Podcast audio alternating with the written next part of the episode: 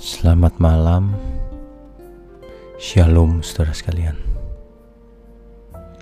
Malam ini kita akan membaca perikop dari Alkitab yang agak panjang, yaitu dari Pengkhotbah, pasalnya yang pertama, dari ayat 1 sampai ayat 11. Inilah perkataan pengkhotbah anak Daud raja di Yerusalem. Kesia-siaan belaka, kata pengkhotbah. Kesia-siaan belaka. Segala sesuatu adalah sia-sia. Apakah gunanya manusia berusaha dengan jerih pawah di bawah matahari? Keturunan yang satu pergi, dan keturunan yang lain datang, tetapi bumi tetap ada. Matahari terbit, matahari terbenam, lalu terburu-buru menuju tempat ia terbit kembali. Angin bertiup ke selatan, lalu berputar ke utara. Terus-menerus ia berputar dan dalam putarannya angin itu kembali.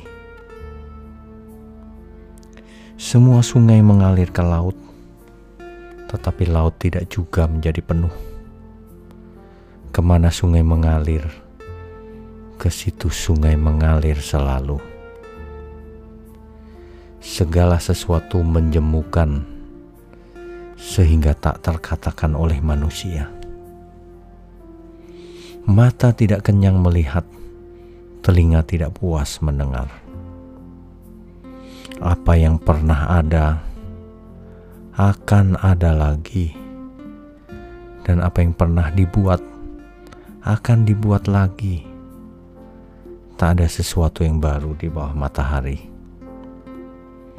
Adakah sesuatu yang dapat dikatakan, "Lihatlah, ini baru"? Tetapi itu sudah ada dulu lama sebelum kita ada. Kenang-kenangan dari masa lampau tidak ada, dan dari masa depan yang masih akan datang pun tidak akan ada kenang-kenangan pada mereka yang hidup sesudahnya. Bapak Ibu Saudara sekalian, orang jarang mau membaca kitab pengkhotbah seolah-olah semuanya sia-sia. Tapi memang demikian adanya.